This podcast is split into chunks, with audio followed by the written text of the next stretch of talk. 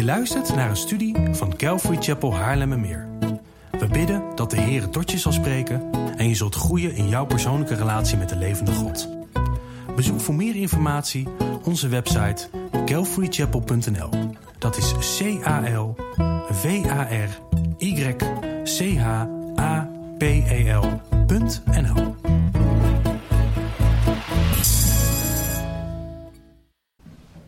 Uh, goedemorgen, nogmaals hartelijk welkom in Calvary Chapel. Um, nog één extra mededeling, en dat is dat wij op vrijdag 30 november bij Stan Marnie thuis aan de Vlierveld 120 een lofprijs- en aanbiddingsavond hebben. De inloop is vanaf uh, half acht, uh, meen ik. En ik denk dat we officieel om acht uur beginnen.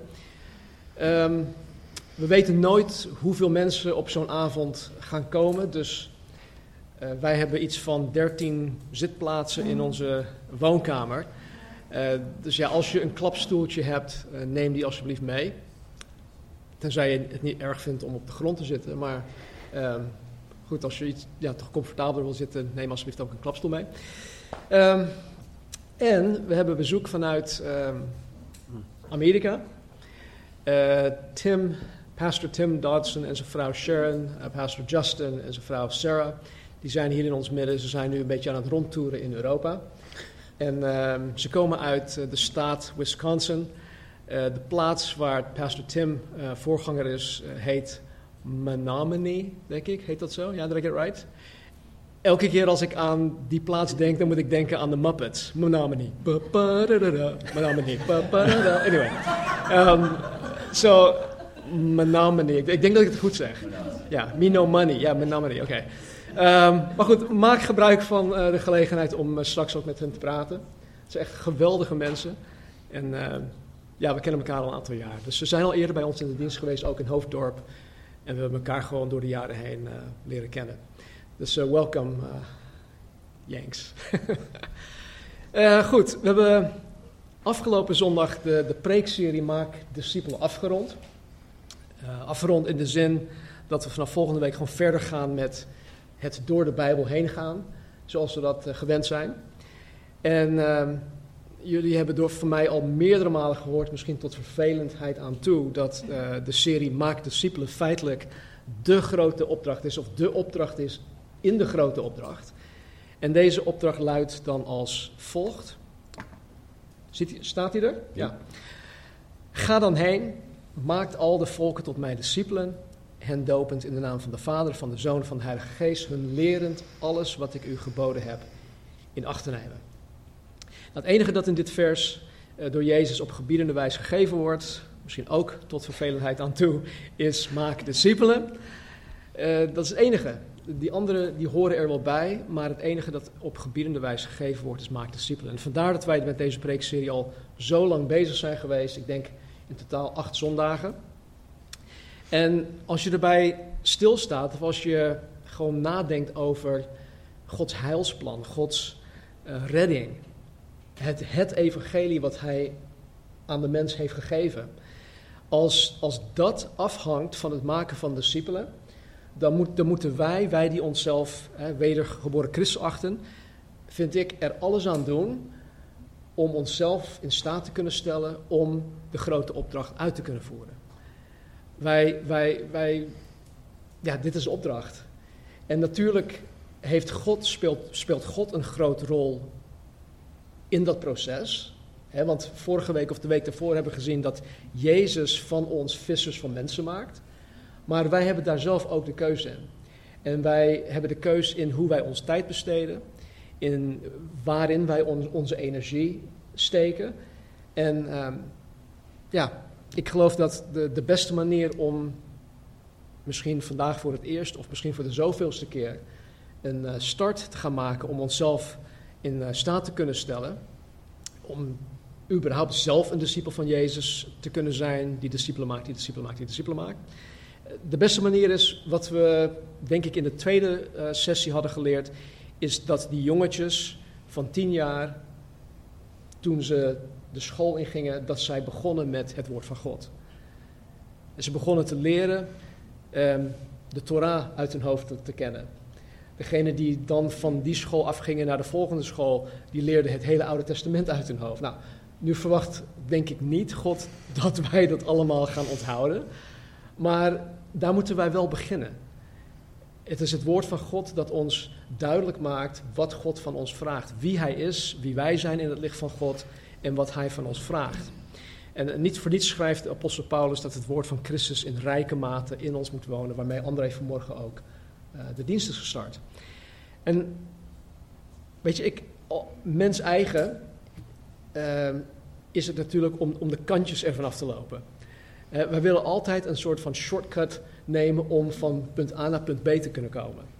Uh, besluiproutes, hè, als, als er file is, dan nou, ja, gaan we even van de snelweg af. Nou, dat geldt voor alles, ook, ook in, dit, in dit proces.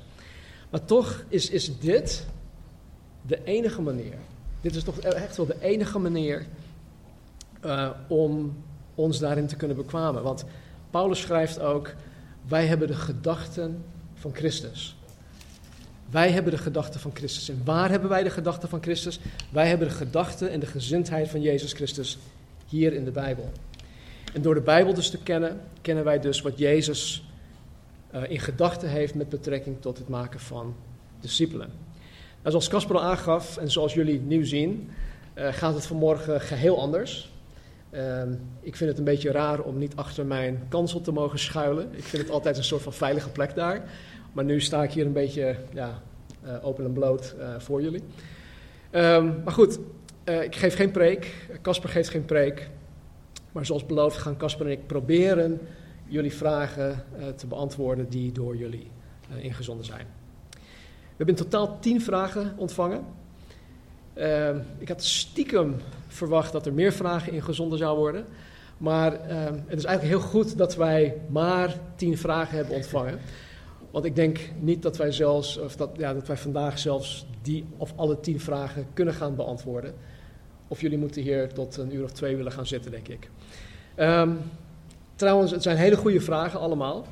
En uh, onze dank is groot aan jullie die uh, de moeite genomen hebben om die vragen in te sturen. Dus laten we beginnen met uh, de eerste vraag. Um, ik zal de vragen ook um, laten zien. Staat hier? Oké. Je hebt een aantal keer in je preek gezegd dat het belangrijk is om een relatie op te bouwen met iemand die je discipel wordt. Hoe denk je dan over straatevangelisatie? Dat is een hele goede vraag. Uh, wij hebben er zelf ook heel lang um, over gehad, ook mee zitten worstelen. Um, het is nog steeds een, een, een, iets waar ik niet echt een, een, een klip-en-klaar antwoord op heb van um, ja, je moet het wel doen of nee, je moet het niet doen. Maar als we even teruggaan naar de opdracht van Jezus, dan beveelt hij zijn discipelen, hij beveelt ons dus, om discipelen te maken. En dat wil zeggen dat wij, dat wij iemand helpen om tot geloof in Jezus Christus te komen, om hun te dopen en hun te leren alles dat Jezus geboden heeft te gehoorzamen. Dus het is niet alleen dat wij op straat gaan en hun leren over Jezus, maar wij, de, de, de opdracht is dus dat wij mensen leren Jezus te gehoorzamen. In alles dat Hij geboden heeft. Nou, zonder enige praktijkervaring hierin op te hebben gedaan, kunnen we alleen al uit de grote opdracht, Matthäus 28, 19, uh, tot de conclusie komen dat het maken van een discipel niet in een, in een gesprek van vijf minuten kan gebeuren. Het is een lange termijn traject. Het maken van een discipel is niet slechts uh, iemand het zondaarsgebed hardop te laten zeggen, maar het is, het, is een proces. Het is een proces waarin, je, um, waarin, waarin wij, jij en ik, iemand um, leren wij leren iemand om Jezus na te volgen. Wij leren iemand om Jezus te gehoorzamen. Om vervolgens ook de grote opdracht zelf uit te gaan voeren, zodat ook zij discipelen gaan maken. En is dat überhaupt mogelijk in een gesprek van 5 à 10 minuten op straat, of zelfs een half uur op straat? Uh, nee, maar daar kom ik zo meteen nog op terug. Kijk, zo'n zo pro zo proces vereist vertrouwen het, het vereist wederzijds vertrouwen. Dat in mijn ervaring, in onze ervaring denk ik, alleen maar tot stand kan komen door elkaar te leren kennen. Door een relatie met de desbetreffende persoon aan te gaan. Door een relatie te onderhouden. En, dat kost veel tijd en veel energie. En het is niet de makkelijkste manier om christen te zijn, het maken van discipelen. Het is veel makkelijker om zondags naar de eredienst toe te komen, een bediening te hebben. Vervolgens ga je zondag na de dienst weer naar huis. Je leidt je leven. Misschien kom je ook nog naar een door de weekse samenkomst. En dat, dat herhaal je gewoon week in en week uit. Maar het, vervullen van de opdracht, het maken van discipelen, vereist veel meer dan alleen dat. Want je gaat continu ben je bezig met de gedachte: wie kan ik discipelen? Met wie, met, met wie kan ik bezig eh, gaan? Met, uh, wie, wie brengt God op mijn pad? Met wie moet ik in gesprek? Enzovoort, enzovoort. In wie moet ik tijd en energie investeren? En dat is veel meer dan alleen het bijwonen van een zondagsdienst of het bijwonen van een, een doordeweekse dienst of, of iets dergelijks. Wat ik vorige week ook zei, ik kan vanuit deze plek geen discipelen maken. Het vereist dat ik samen met jullie ga stoeien door de realiteit van het leven heen. Het vereist dat wij samen door het leven heen gaan. En, en, nogmaals, de grote opdracht wordt dan ineens vrij klein, omdat je dat niet met heel veel mensen kan doen. Ik zei laatst nog dat ik het echt wonderlijk vond dat Jezus dit met twaalf mannen kon doen. Ik heb al moeite om dit met een handjevol mensen te kunnen doen. Maar hij deed dat zo intiem en zo gericht en zo intentioneel met twaalf mensen en dan daarbuiten ook nog. Goed, met dit als achtergrond um, is de vraag hoe ik of wij denken over straatevangelisatie. Um, ja, hoe denk ik over straatevangelisatie? Uh, hoe, hoe, denken wij hierover? Um, ik denk dat als ik nu de oproep doe van jongens, aanstaande zaterdag gaan we evangeliseren op straat, dan sta ik waarschijnlijk in mijn eentje. Ik denk niet dat jullie zitten te wachten op zo'n uitnodiging. Dat moet ik wel kwalificeren natuurlijk, maar zo denken meeste christenen daarover. Het neemt verschillende vormen. En je kunt bijvoorbeeld denken dat je uh, ergens op een pleintje gaat staan, op een zeepkist, en dan gewoon het evangelie zit te verkondigen. Als je, naar de, als je naar de stad gaat, dan zie je dat ook gebeuren. In Amsterdam, in andere grote steden, zie je dat mensen dat gewoon doen. En zo ben je als het ware het woord van God aan het zaaien. Je bent het, bent het aan het zaaien. Veelal valt het op dove oren, maar je bent in ieder geval aan het zaaien. Je kunt ook traktaten uitdelen. Weet jullie wat een traktaat is? Een traktaat is een blaadje met wat tekst erop dat op Jezus wijst of uh, evangelie. En um, ja, je kunt ook mensen benaderen, je kan een vragen stellen of om, om zo met hun in gesprek te gaan. Er zijn verschillende manieren om in gesprek te raken met mensen. Um, Philip in Eindhoven die uh, doet dan iets, uh, hij heeft een, een, rebus heeft hij dan gemaakt op een A-nulletje. Dat zet hij dan bij de supermarkt neer.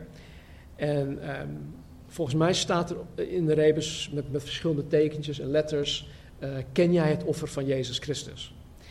En wat hij dan doet is, hij, hij, hij zet dat ding neer en dan staat hij 20, 20 meter daarvan vandaan.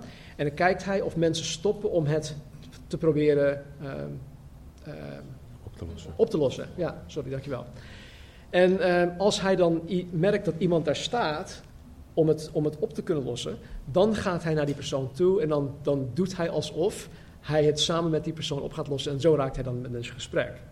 Dus er zijn heel veel verschillende manieren om met mensen in gesprek te raken. En het, ja, het doel is natuurlijk om met mensen in gesprek te raken.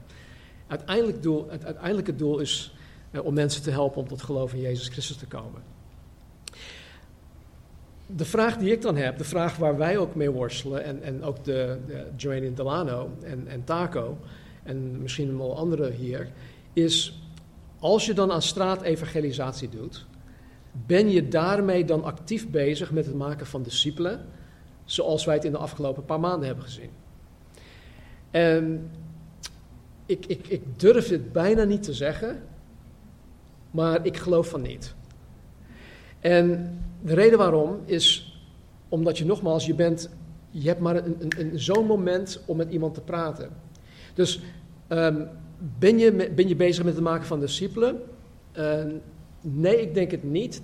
Tenzij je met iemand die je op straat ontmoet, een, een traject in kan gaan om van hem of haar een discipel van Jezus Christus te kunnen maken. En die vervolgens ook weer discipelen gaat maken. Dat is even, even de, de, de hoofdlijn.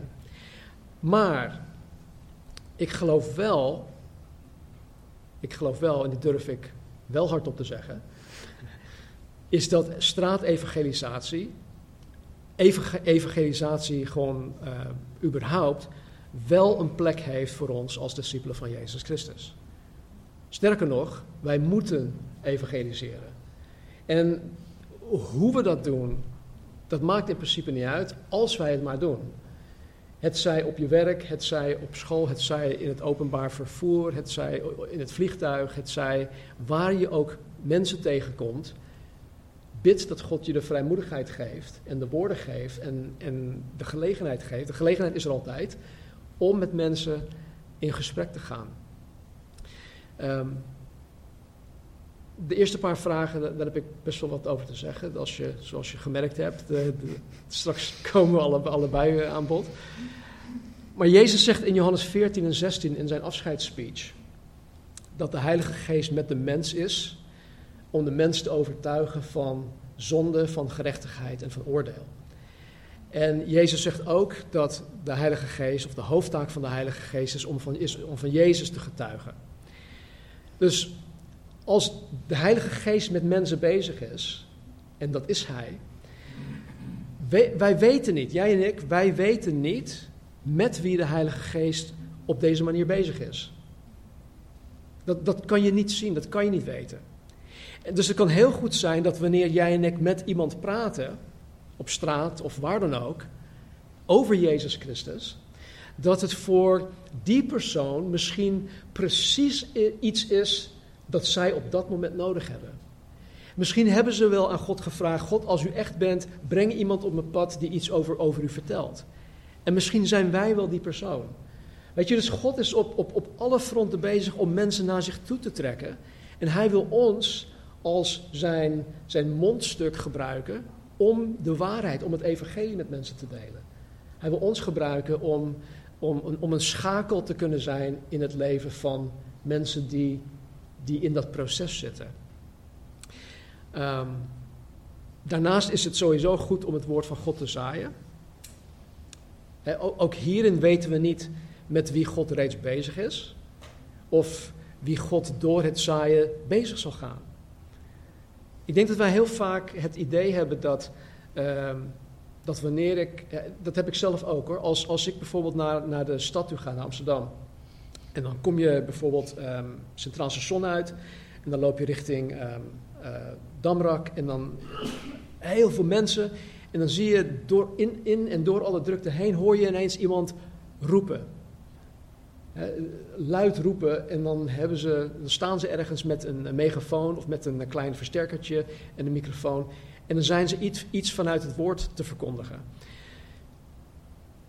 vaak heb ik dan zoiets van, oh nee, wat, wat, wat is hij nou aan het doen? Ehm, soms heb ik daar een, een beetje een raar uh, gevoel bij. Want um, ja, het hangt natuurlijk af van wat ze zeggen. Maar um, het, het, is een beetje, het is een beetje het is geen afkeer, maar het soms afhankelijk van wat ze zeggen en hoe ze het brengen, lijkt het erop alsof ze mensen om de oren slaan met uh, What's uh, death and uh, destruction? Uh, Gewoon hel en verdoemenis. Ja, met hel en verdoemenis. Weet je, en ik denk niet dat dat de manier is, want zo, zo, zo denk ik niet dat je mensen gaat redden. Maar goed, um, het is wel goed om, om gewoon te zaaien. Dus is straatevangelisatie, om even echt de vraag te beantwoorden, is, is straatevangelisatie bij uitstek de weg om discipelen te maken? Nou, ik denk van niet. Maar dat is mijn persoonlijke mening. En ik denk dat mijn persoonlijke mening ook um, ja, gekleurd is door misschien een stukje ongeloof, door onwetendheid en, uh, en dat soort dingen. Maar dat is mijn persoonlijke mening. Doe daarmee wat je wil. Casper, heb jij nog aanvullingen? Kijk, er is altijd plek voor evangelisatie in de kerk. Er is altijd, er moet plek zijn om mensen te vertellen over Jezus. De vraag is of straatevangelisatie de manier is die God voor jou specifiek heeft. Ik heb me een tijd schuldig gevoeld dat ik nooit meeging, of dat ik één keer meeging en me zelf zeer ongemakkelijk voelde. Ehm, en ik denk niet dat dat juist is, want God moet je ergens toe roepen om iets wel of niet te doen. En hij geeft je de opdracht om iets te gaan doen. En dan moet je dat doen. En we horen allemaal te vragen: Heer, wat verwacht u van mij? Moet ik naar deze persoon toe gaan? Maar dat is niet alleen op straat in Amsterdam. Dat is ook op je werk en in de supermarkt. Marnie heeft wel eens uitgelegd dat haar tripjes naar de supermarkt dat het erg lang duren. Omdat ze dan door God aangesproken wordt om met die of die te gaan praten. Dat is ook evangelisatie. En ik denk dat wij moeten leren luisteren. Heer, wat verwacht u van mij? En straatevangelisatie is een, een antwoord op die vraag. Is het de manier om discipelen te maken? Uh, nee, maar het is wel een start. Als iemand tot geloof komt, kan je die persoon zeggen: zoek naar een kerk. Um, hier heb je een kaartje van een kerk. Bel me, um, e-mail me en dan kan je die persoon verder helpen. En dan kan je, zelfs als die persoon op een afstand woont, kan je die persoon in een kerk um, helpen waar die persoon zal groeien. Dus is het de manier voor discipelen maken? Nee, het is een start en het is ook iets waarvan je zeker moet weten dat God je ertoe leidt. En dan moet je dat, dan moet je dat doen als God dat van je vraagt.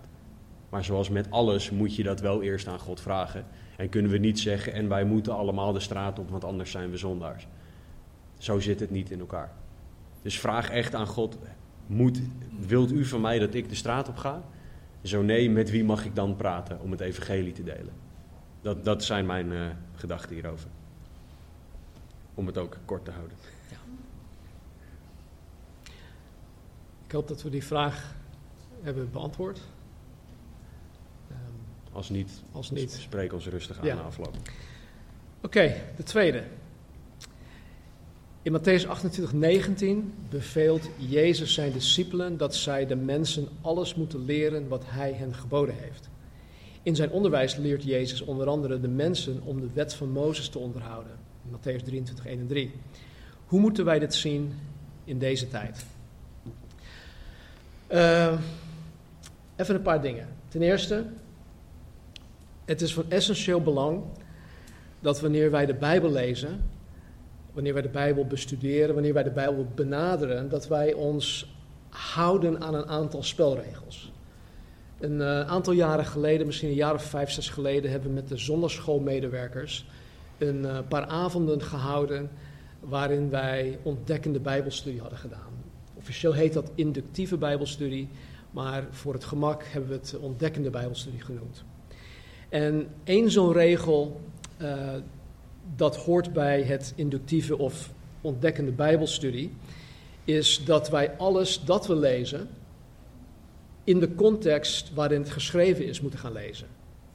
Dus we kunnen nooit zomaar bijvoorbeeld Matthäus 23, 1, en, 1 tot en met 3, wat we hier in de vraag meegekregen hebben, dat we dat uit de context moeten nemen. We moeten in de context van het hele hoofdstuk moeten we dat gaan lezen.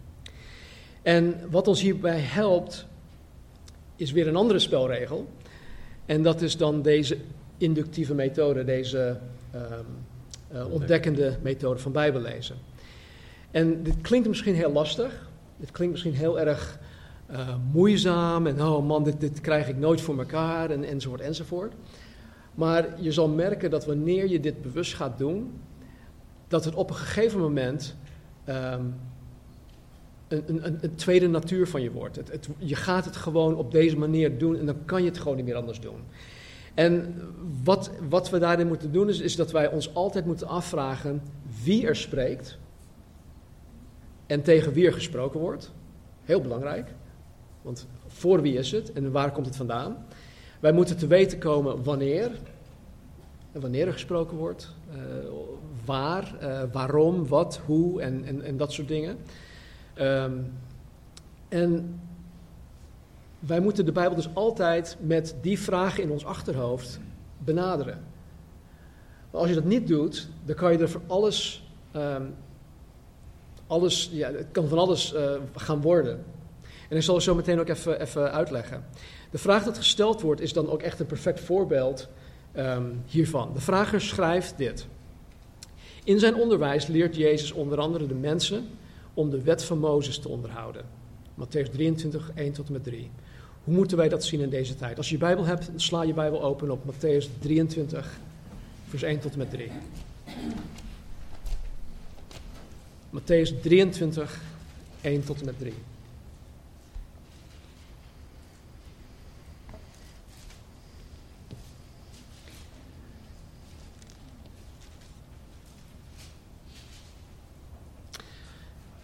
Toen sprak Jezus tot de menigte en tot zijn discipelen. De schriftgeleerden en de fariseeën zijn gaan zitten op de stoel van Mozes. Daarom, al wat zij u zeggen dat u in acht moet nemen, neem dat in acht en doe het. Maar doe niet overeenkomstig hun werken, want ze zeggen het, maar doen het zelf niet. Tot zover. Matthäus 23, dit hoofdstuk, geeft ons de laatste openbare preek dat Jezus gegeven heeft. Alles wat hij hierna zegt, zegt hij strikt tot zijn discipelen. Maar dit is dus echt de laatste openbare preek die hij geeft. En het is geen preek van bekering of van Gods heil of van vergeving of iets dergelijks. Nee, het is een veroordeling van deze religieuze leiders van zijn tijd. Het is een veroordeling van de schriftgeleerden en van de fariseeën. En Jezus zegt in deze versen dat de schriftgeleerden en de fariseeën zichzelf op de stoel van Mozes hebben geplaatst. De stoel van Mozes spreekt van de plek van autoriteit. Het spreekt niet per se van um, inhoud. Wat ik daarmee bedoel is, het is dus niet zo dat wanneer iemand op de stoel van Mozes zit, dat hij puur en alleen de wet van Mozes verkondigt. Als iemand op de stoel van Mozes zit, dan spreekt dat van: hé, hey, ik heb autoriteit over jou, over jullie. Ja? Deze mensen, de schriftgeleerden en de fariseeën, die, ehm, die zitten er niet omdat God hun daar geplaatst heeft, maar het is door eigen toedoen. Zij hebben zichzelf een plaats van autoriteit onrechtmatig toegeëigend. En daarom zegt Jezus hier dus niet alles dat de schriftgeleerden en de fariseeën zeggen door, door de menigte en de discipelen aangenomen moet worden. Dus niet, niet alles dat ze zeggen moet door hen aangenomen worden. Want, en dit is weer zo'n regel, je moet alles in de context van de Bijbel ook nemen. Jezus zei Matthäus bijvoorbeeld heel duidelijk dat de schriftgeleerden en de fariseeën op heel veel vlakken het, dat ze het fout hadden. Lees straks wanneer je thuis komt, lees hoofdstuk 5 van Matthäus. Daar gaat hij dwars tegen de leer van de schriftgeleerden en de fariseeën in. Dus als hij hier in hoofdstuk 23 zegt, alles dat zij jullie zeggen, bedoelt hij dus niet alles. Hij bedoelt niet alles, want ze hebben het op heel veel vlakken fout. Ze hadden het fout op het gebied van moord, op het gebied van overspel, op het gebied van echtscheiding, op het gebied van het afleggen van een eed of hoererij of uh, het, het liefhebben en dat soort dingen. Ze hadden het op die vlakken allemaal fout. Dus Jezus zegt hier in dit hoofdstuk, Matthäus 23, absoluut niet dat de menigte en de discipelen de wet van Mozes per se moeten onderhouden, maar puur en alleen de dingen dat de schriftgeleerden en de fariseeën zeggen dat wel met Gods woord overeenkomt. Het is een beetje uh, als de gezegde in het Engels: um, uh, you, you, eat the meat, but you spit out the bones. Uh, kennen jullie dat? Je haalt eruit wat erin zit. Je haalt eruit wat erin zit. Sorry dat ik onderbreek. Ja. Het is een beetje hetzelfde als dat Paulus tegen Timotheus zegt dat wij ons moeten houden aan de wetten van het land. Als de Nederlandse overheid van ons zou vragen dat wij niet meer het woord recht snijden, maar dat wij iets dat wij moeten afdoen of moeten toevoegen aan het woord, dan zullen wij ons niet houden aan de wetten van het land. Want wij moeten Gods woord rechtsnijden. Dit, dit is de manier waarop je dat uh, kan zien. Dus zij moeten zich houden aan wat de fariseeën zeggen, zolang het matcht met wat God zelf gezegd heeft. Ja, amen. Dus um, ja, de vraag is eigenlijk, hoe moeten wij dit dan zien in onze tijd? In deze tijd? Nou, veel dat vind ik ook zo mooi. We zijn nu in uh, Leviticus bezig op woensdagavond. En veel van wat de wet van Mozes onderwijst, heeft te maken met ceremoniële wetten. heeft te maken met voedselvoorschriften, voedselwetten, heeft te maken met burgerlijk recht, het heeft te maken met het offersysteem enzovoort enzovoort. En uit alle 623 geboden en verboden uit de wet van Mozes hoeven wij, en ik denk dat we hier al genoeg hebben, hoeven wij ons uh, slechts bezig te houden met het voornaamste en het grootste gebod uit Deuteronomium 6, dat door Jezus zelf ook uitgesproken werd in Matthäus 22. Blader nog één hoofdstuk terug, Matthäus 22. En dan vanaf vers 35 tot en met 40. Kleine correctie, het zijn 613, niet 623 geboden. Maar dat maakt verder niet uit. Mijn autisme ging even op op. Oh. Sorry. Geef niet. Uh, even kijken, 35 of niet? Um, ja, vanaf 34. Toen de fariseeën gehoord hadden dat hij, dus Jezus, de Sadduceeën de mond gesnoerd had, kwamen ze bijeen. En een van hen, een wetgeleerde, vroeg om hem te verzoeken. Meester, wat is het grote gebod in de wet? En Jezus zei tegen hem, u zult de Heere uw God liefhebben met heel uw hart, met heel uw ziel en met heel uw verstand. Dit is het eerste, oftewel het, het voornaamste en het grote gebod.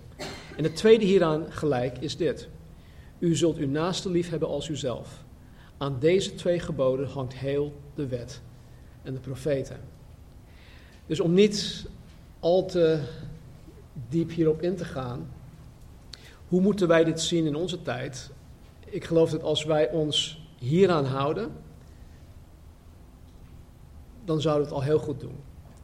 Hebben wij God lief boven alles?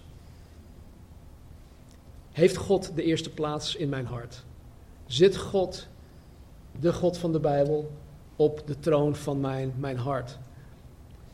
Heb ik mijn vrouw lief als Christus de gemeente lief heeft? Heb ik jullie lief zoals Christus jullie lief heeft?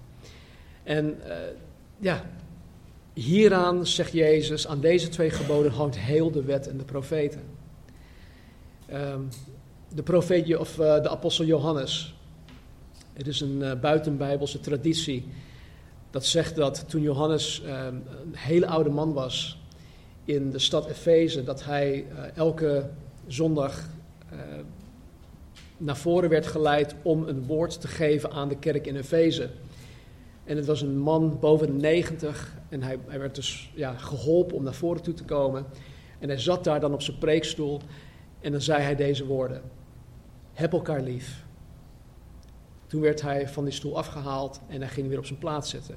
Een week in, een week uit gebeurde precies hetzelfde. Het enige dat hij zei is, heb elkaar lief. Op een gegeven moment durfde iemand hem te vragen, waarom zegt u elke keer hetzelfde? Hij zegt, nou als u dit doet, dan, is, dan heb je daar al genoeg aan.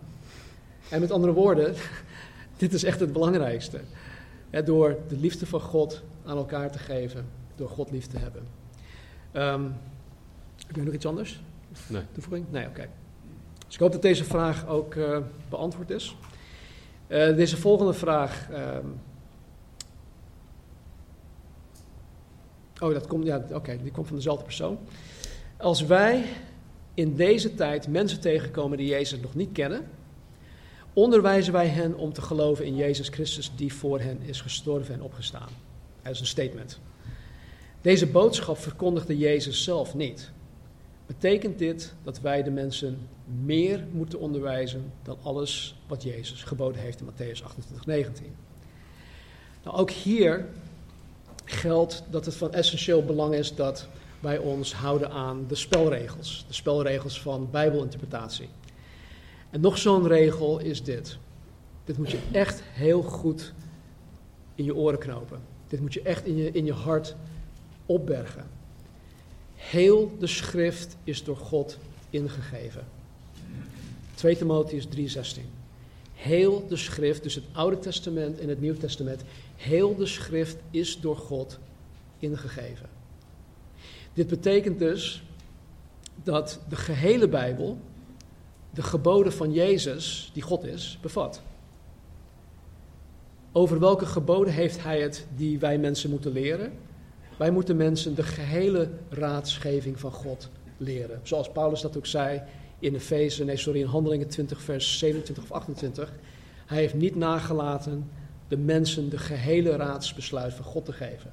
En dat is wat Jezus dus bedoelde. Dus de, de plaatsvervangende dood aan het kruis, de opstanding uit de dood, dat is niet iets meer dat wij moeten onderwijzen. Het is juist de boodschap. Dat is de boodschap. Dat is het evangelie. Al in Genesis 3 sprak God over de kruisiging en het opstaan uit de dood van Jezus Christus. Het staat er niet letterlijk zo, maar het is daarin wel verborgen. Genesis 3, direct na de zondeval, sprak God al over de komende verlosser, Jezus Christus. Na zijn opstanding uit de dood sprak Jezus met de twee, ik, ik, ik zeg het altijd verkeerd, Emmausgangers, zeg ik het goed? Emmausgangers. Emmausgangers. Dus na zijn opstanding uit de dood in Lucas 24 sprak Jezus al wandelend met de twee Emmausgangers. En hij zei tegen hen dat zij de oud-testamentische profeten niet geloofden. Zij geloofden hun de profeten niet. Want de profeten hebben juist geleerd dat de Christus eerst moet lijden voordat hij zijn heerlijkheid in moest gaan. Oud Testament. En het alles dat Jezus geboden heeft in de grote opdracht is dus niet beperkt tot de, de letterlijke woorden die Jezus uitsprak toen hij hier op aarde was, maar dus heel de schrift. Ik hoop dat dit ook de vraag beantwoordt. Als je Johannes 1 vers 1 en Johannes 1 vers 14 leest, Johannes 1 vers 1 is in den beginnen was het woord, het woord was bij God en het woord was God. Johannes 1 vers 14 is het woord is vlees geworden en heeft onder ons geleefd of onder ons getabernakeld als je het letterlijk neemt. En dat zegt dat Jezus zelf het woord van God is. Dus als wij het hebben over het woord van God, hebben wij het over Jezus zelf. Dus als Jezus zegt onderwijs de, de woorden, dan heeft hij het over onderwijs de mensen mijzelf. En dat is het hele woord. Um, Paulus, toen hij het hele raadsbesluit van God onderwees, wat onderwees hij? Alleen het Oude Testament, of wat wij het Oude Testament noemen. Hij had het Nieuwe Testament nog niet. De beste man moest nog een deel zelf schrijven. Um, hij kon dus alleen maar het Oude Testament onderwijzen. En daaruit blijkt ook, 2 Timotheüs 3, vers 16, 17, heel de schrift is door God ingegeven en is nuttig om daarmee te onderwijzen, te weerleggen, te verbeteren en op te voeden in de rechtvaardigheid, opdat de mens die God toebehoort volmaakt zou zijn, tot elk goed werk volkomen toegerust.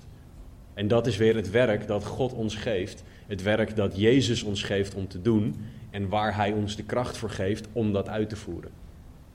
Dus het is, God zelf is het woord. Hij voedt ons op, corrigeert ons, leidt ons om het werk te doen waarvoor Hij ons de kracht geeft, waarvoor Hij ons de beloning geeft. Als jullie het snappen, mogen jullie het me uitleggen. Dat is mijn uh, idee hierop. Um, Jezus zegt gewoon het hele woord. Het hele schriftwoord zoals wij dat tegenwoordig kennen. Geen deuterocanonieke boeken, geen extra gekkigheid. Er staat hier al meer dan genoeg in om ons hele leven mee bezig te kunnen zijn.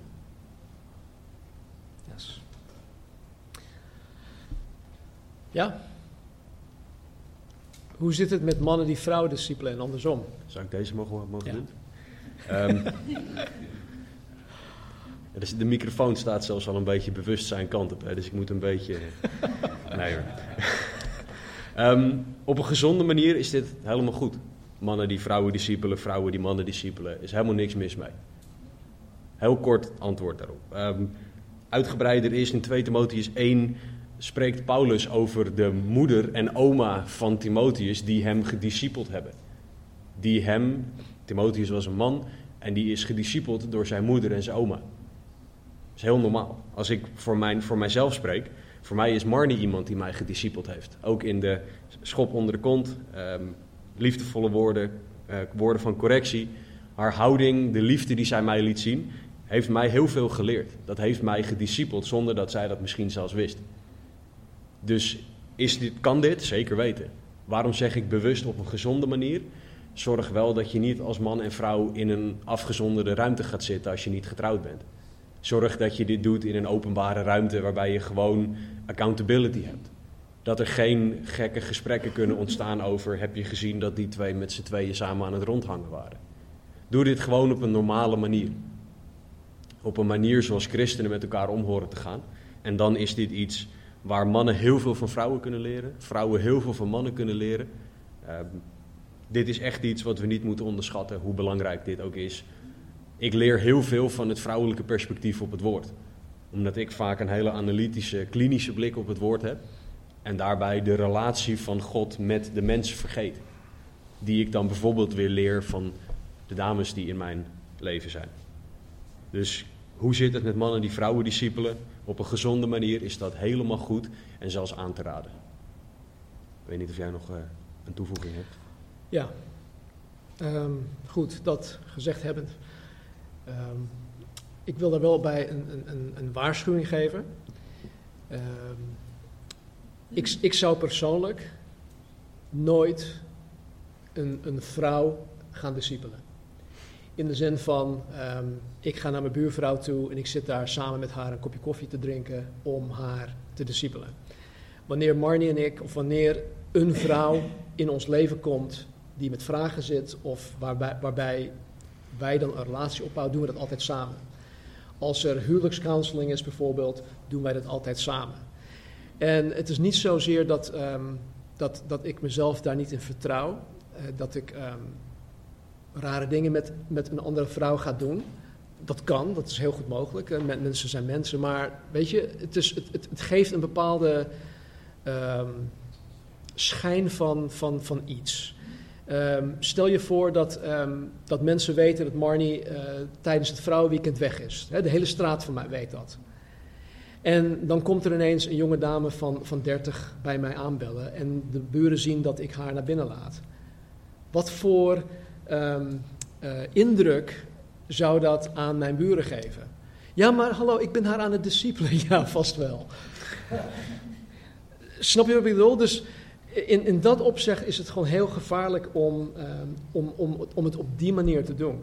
Kijk, de context waarin, waarin Marnie of andere vrouwen Casper in dat opzicht he, heeft gediscipeld, is uh, omdat Casper als, als jong ventje van 16 of 17 bij ons over de vloer kwam.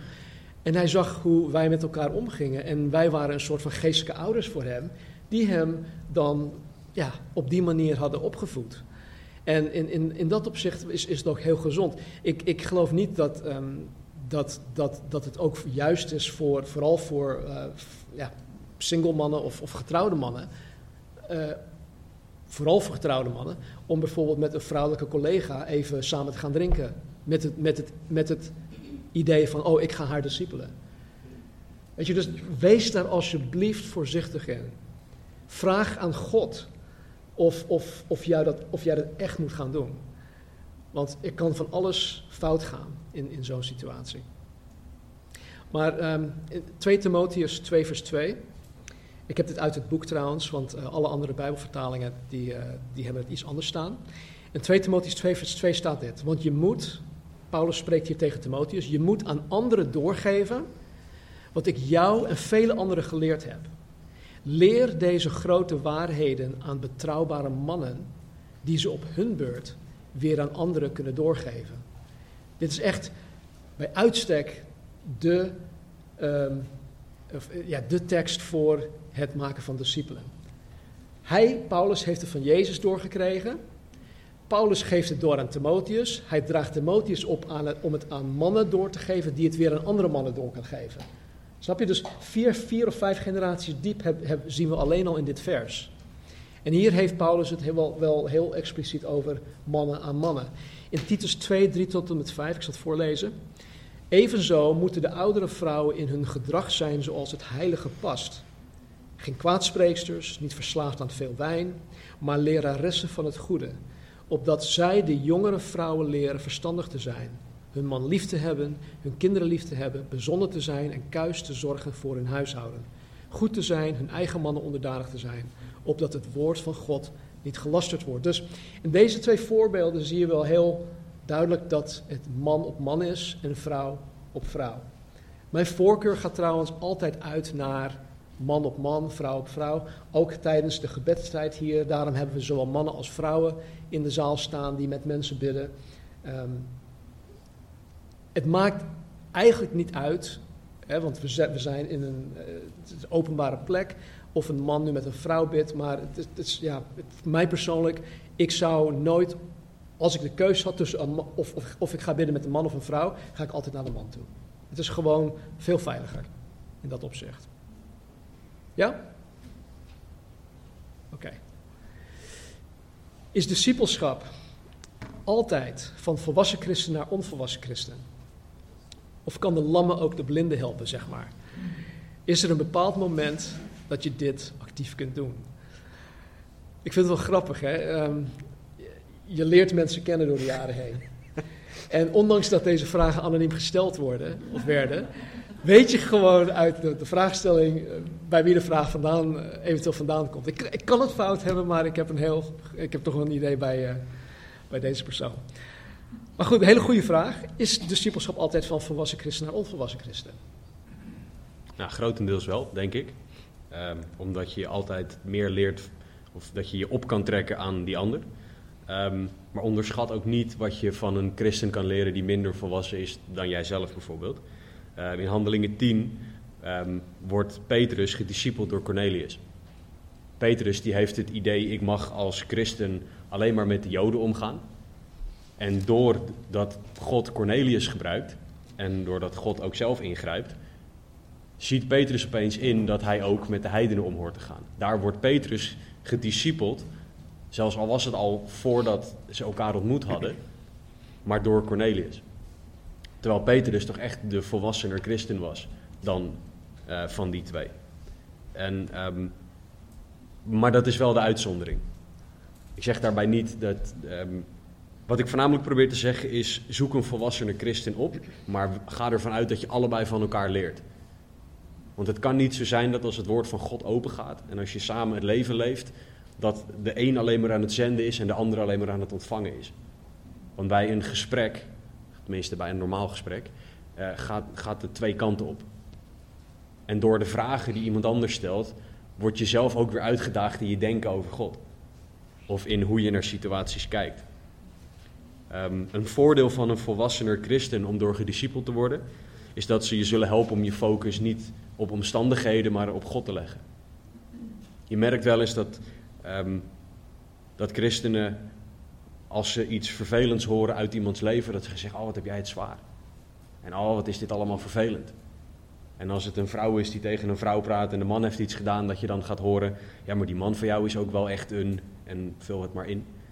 Um, in de plaats van dat er gezegd wordt, oh wat is dit ontzettend vervelend, laten we samen de Heeren zoeken. En het voordeel van als je naar een volwassene christen gaat, is dat de kans groter is dat ze zullen zeggen: Dit is niet hoe het hoort, laten we samen bidden. Of dit is wat de Bijbel erover zegt, heb je hier al aan gedacht? Of ik ga voor je bidden, ik neem dit mee, hoe kan ik met je samenkomen binnenkort om samen het woord hierover te openen? Um, volwassene christenen zullen je sneller helpen om dingen in Gods, een Bijbels en een eeuwig perspectief te zien. En zullen je ook sneller helpen om onderwezen te worden in het woord. Nogmaals, dat zegt niks over dat het de andere kant op ook niet onderwijs is en discipelschap is. Maar het, is wel, het, het, het helpt wel het meeste als je als een, een volwassener christen zoekt. Dat zeg ik ook zelf uit ervaring. Um, dus dat zijn mijn gedachten hierover. Het, het is het makkelijkste van een volwassener naar minder volwassen. Maar het is niet exclusief dat het alleen maar op die manier kan. Uh, Paulus die schrijft in de, zijn Romeinenbrief, in de inleiding dit. Hij zegt, ik verlang er vurig naar u te zien om u een enige geestelijke genadegave te laten delen, waardoor u versterkt zou worden. Dat is te zeggen, om in uw midden samen bemoedigd te worden door het onderlinge geloof, zowel dat van u als dat van mij. Dus, dus de grote apostel Paulus, die zegt, ik verlang er vurig naar om naar jullie toe te komen. Hij, is, hij, heeft de kerk in Rome niet zelf gesticht. Hij, hij, kent daar een aantal mensen. Maar hij verlangt er zo naar om daar naartoe te gaan. Waarom? Om het onderlinge geloof, zegt hij. En dan zegt hij ook dat wij. Um, hoor. Bemoedigd te ja, worden. om in uw midden samen bemoedigd te worden ja. door het onderlinge geloof, zowel dat van u als dat van mij. En, en dat gaat altijd zo. Het maakt niet uit of je al tien jaar op pad bent of tien dagen. Er is altijd, wanneer er een discipelschap of een fellowship moment is, dat de, de opbouwing, de, de, de groei in geloof en al dat soort dingen, dat gaat altijd aan beide kanten te werk. Um, wij hadden het hier afgelopen dinsdag over. En um, ik, ik, denk dat, dat, um, dat door deze serie er misschien hier in, onder ons een bepaalde angst is gekomen. Dat, dat, dat jullie misschien denken van, oh jee, nu, legt, nu ligt de lat zo ontzettend hoog. Nu moet ik zelf zoveel meer Bijbelkennis opdoen. Nu moet ik zoveel meer um, ja, uh, bezig zijn met God, dat sowieso. Maar weet je dat, dat, dat je dat je ineens nu zoveel meer erbij krijgt om te gaan doen. Maar wat ik tegen, um, ik denk dat Joanny de vraag stelde, wat ik ook tegen Joanny zei was, kijk, het maken van discipelen, het, het proces discipelschap, fellowship, dat, dat ligt niet zo hoog. Het is niet te hoog gegrepen. En ik noemde daar een voorbeeld van uit, uit uh, iets dat wij tijdens onze biblical counseling hebben geleerd. Is dat um, het is niet zo dat ik tegen Peter Kies zeg: Hey Peter, hoe, hoe gaat het man? Hey, kunnen wij aanstaande dinsdag afspreken, want ik wil jou gaan counselen. Nou, het eerste wat er met Peter gaat gebeuren is: Hè, wat heb ik nu gedaan?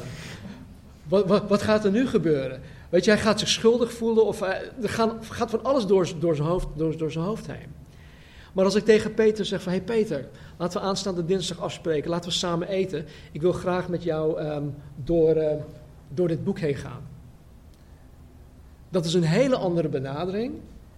Hij heeft niet eens door dat, dat ik een, een, een, een, een bedoeling heb om hem te gaan discipelen. Maar het hoeft ook helemaal niet, want we gaan elkaars leven met elkaar delen. Ik krijg van Peter te horen waar hij tegenaan loopt. Hij krijgt van mij te horen: Oh joh, jij loopt ook tegen dezelfde dingen aan.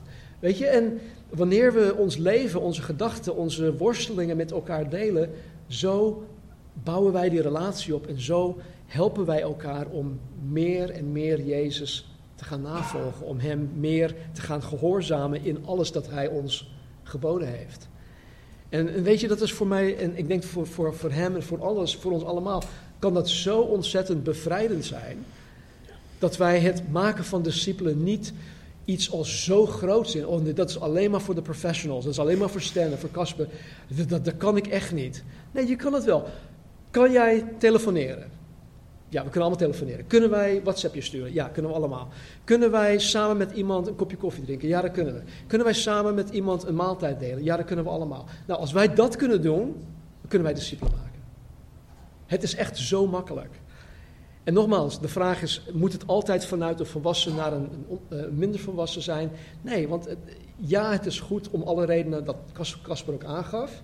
Maar niet per definitie. Het hoeft niet altijd zo te zijn. Ik, um, ik luisterde naar de, een, uh, een, een uh, live, live, live stream van, van de, de conferentie waar André naartoe was geweest.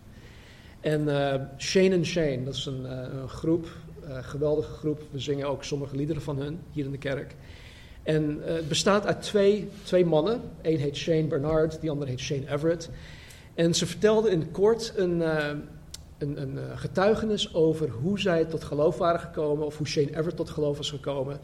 En hoe zij dus als, als, als uh, artiesten samen zijn gekomen om dan uh, Shane en Shane te worden. En hij vertelde dat, Shane Everett vertelde dat hij ergens, hij is wel met het geloof opgegroeid, maar hij deed er verder niks mee. En hij zat in een, in een, ja, in een circuit waarin hij drie keer per week in, in kroegen speelde met zijn band. En op een gegeven moment greep God hem bij de kraag en zei van, oké, dit is genoeg genoeg, nu ben je van mij. En toen uh, ontmoette hij Shane Bernard. En Shane Bernard vroeg hem om mee te spelen op zijn eerste LP, of zijn eerste CD. Dat was in 2002 volgens mij. En ja, ze wisten eigenlijk niet wat ze moesten doen, wat voor liederen ze, liederen ze moesten schrijven. Dus ze dachten, hé, hey, um, ik weet nog uit het verleden, zongen ze altijd psalmen in onze kerk. Dus laten we naar de psalmen toe gaan en laten we die teksten gebruiken om, om liederen te schrijven. Zo is dus hun eerste LP, hun eerste CD ontstaan in 2002. Dat heet ook The Psalms. En ehm, wat ik daarmee wil zeggen is dat,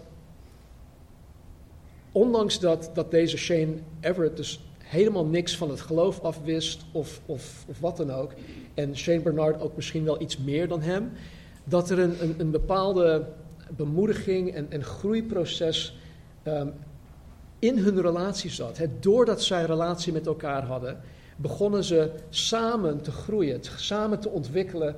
Niet alleen als kinderen van God, als christenen, maar ook als artiesten. En nu zijn we 16 jaar verder sinds dat prille begin van Shane en Shane. En als je ziet joh, wat, wat, voor, wat voor bediening God hen heeft gegeven, hoe God hen ook gebruikt, het is gewoon ja, te mooi voor woorden. En het is, het is gewoon ontstaan doordat twee gasten samenkwamen om um, Gods woord te openen, samen te eten, samen het leven met elkaar te delen en, en dat soort dingen. En, en daarom is het maken van discipelen juist zo moeilijk, omdat wij, wij liever niet uit onze comfortzone willen stappen. Wij willen liever gewoon lekker thuis zitten, niet gestoord willen worden. Oh wee als er iemand aanbelt die zich niet vooraf heeft aangemeld van joh, ik kom even langs. Weet je, dan gaan we allemaal, dan slaan we allemaal op, op tilt. En, maar onze deuren horen gewoon altijd open te staan. Voor die gelegenheden dat God iemand op ons pad wil brengen. Weet je, het is al uh, half twaalf. Ik, uh, Zullen we de laatste vraag alleen nog doen? We hebben, ja, we hebben nog twee, hè? Nee, we hebben er nog drie. Uh, even kijken, dit was. Dit was zes. Nee, dat was vijf, dus we hebben er nog drie. Ja. Zullen we alleen de laatste nog doen? Misschien wel goed. Ja, oké. Okay. Dan slaan we twee over. Die zullen we via de mail dan ja. naar de hele gemeente beantwoorden. Ook de vragen die nog ingestuurd waren, waar we nu geen tijd voor hadden, die zullen we ook via de mail naar jullie beantwoorden. Ja, dus de laatste dan die we gaan behandelen is mijn vraag is hoe deze serie de richting voor de gemeente beïnvloedt. Wat voor plek had discipelschap voorheen? En hoe zien jullie dit op basis van deze studie? Zouden we iets moeten veranderen?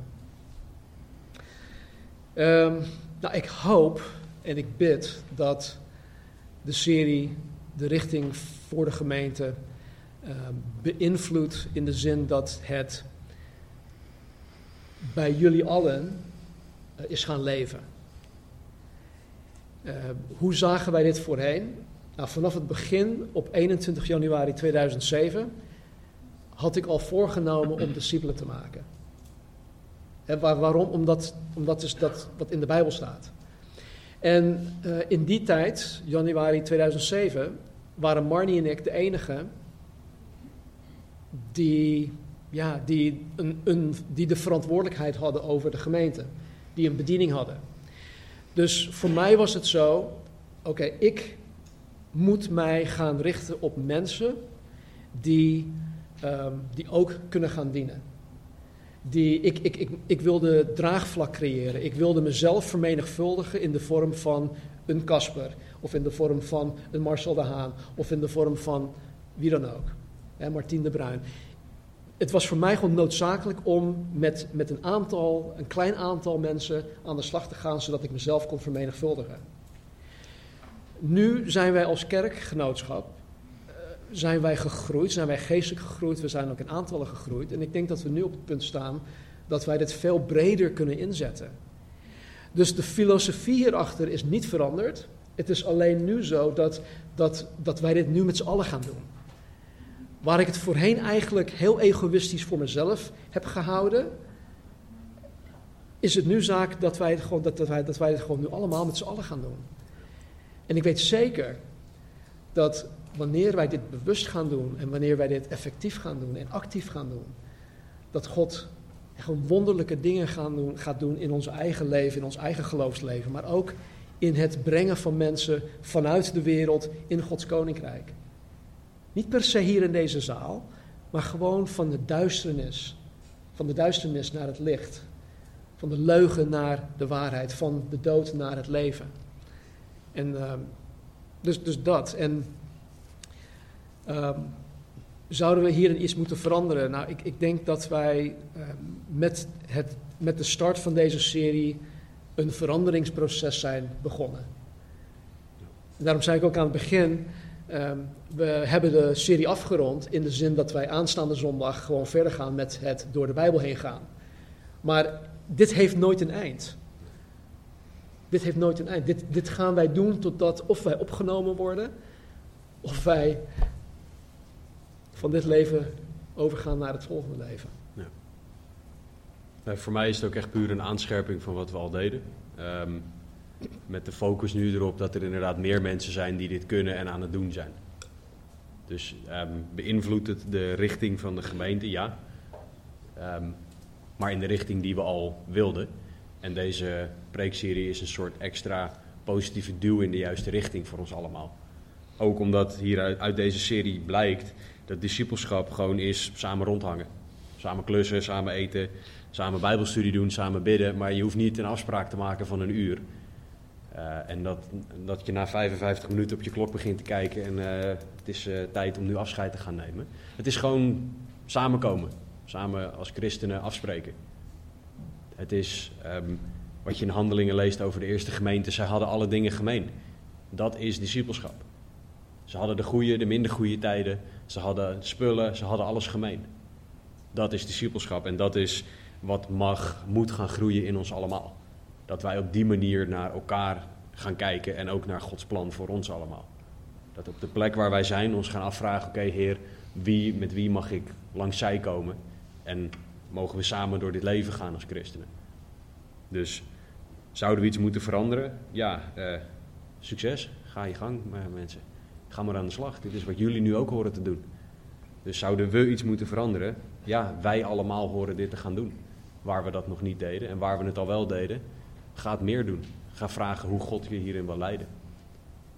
Dus uh, ja, dit is, dit is iets voor de hele gemeente, niet iets voor een select groepje. We horen allemaal discipelen te maken, die discipelen maken, die discipelen maken. Dus dat is voor mij wat deze serie doet. Het heeft voor mij een uh, aanscherping voor in mijn eigen leven opgeleverd.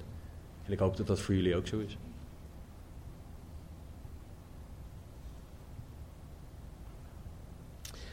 Wij um, zaten te filosoferen over um, deze opstelling. En um, we zaten te denken om dit misschien vaker te doen. En dan niet per se over discipelschap, maar dat wij misschien één keer in het kwartaal, eh, op de vijfde zondag, zeg maar, we noemen dat ook gewoon echt de vijfde zondag. De vijfde zondag dat we ja, jullie vragen gaan beantwoorden. ik weet zeker dat er, dat er gewoon vragen zijn. En, en hè, die misschien niet op een andere manier aan bod komen of zo. Um, maar goed, we denken erover na, we gaan ervoor in gebed. En uh, vragen ook aan jullie of dit, uh, of, om hiervoor te bidden. Dat als God dit wil, dat hij dat ook gewoon duidelijk maakt. Maar ik wil het hierbij laten. Het is al, uh, ja, het is al tien over half. André, zou jij, wat is André? Zit te vertalen. Oh, André is te vertalen. Wil jij nog één lied zingen om af te sluiten en dan zijn we klaar? Ja? Een Engelstalig lied. no pressure. Alright, Heere God, dank u wel dat u zo goed bent voor ons. Dat u zo ver gegaan bent om discipelen van ons te maken. Heer, ik dank u dat u mensen op ons pad heeft gebracht, die ons ja, hielp om u te mogen leren kennen. Dank u wel voor degenen die ons geëvangeliseerd hebben. Dank u wel voor, voor degenen die misschien zelfs door straatevangelisatie tot geloof zijn gekomen. Dus Heer, ik bid dat u en ieder van ons, Heer, bemoedigt. Heer, dat u de grote opdracht klein maakt of klein genoeg maakt, zodat een ieder van ons het kan uitvoeren. Dat u ons daar ook uh, in bemoedigt, dat er geen schroom is en dat het ook niet te hoog gegrepen voor ons lijkt. Maar dat een ieder van ons daar gewoon mee bezig kan zijn. Dus Heer, help ons. Vergeef ons, Heer, voor het nalaten van zaken. En uh, ja, doe gewoon uw dingen in ons, Heer. Doe het in ons, onder ons en door ons heen. En we zien uit, Heer, naar het, uh, ja, het moment zoals we in Handelingen 2, vers 47 lezen, dat u dagelijks mensen toevoegde die zalig werden. Heer, help ons om uit te reiken naar de, de, de, de, de ja, de stervende uh, wereld om ons heen. Het vragen in Jezus' naam. Amen.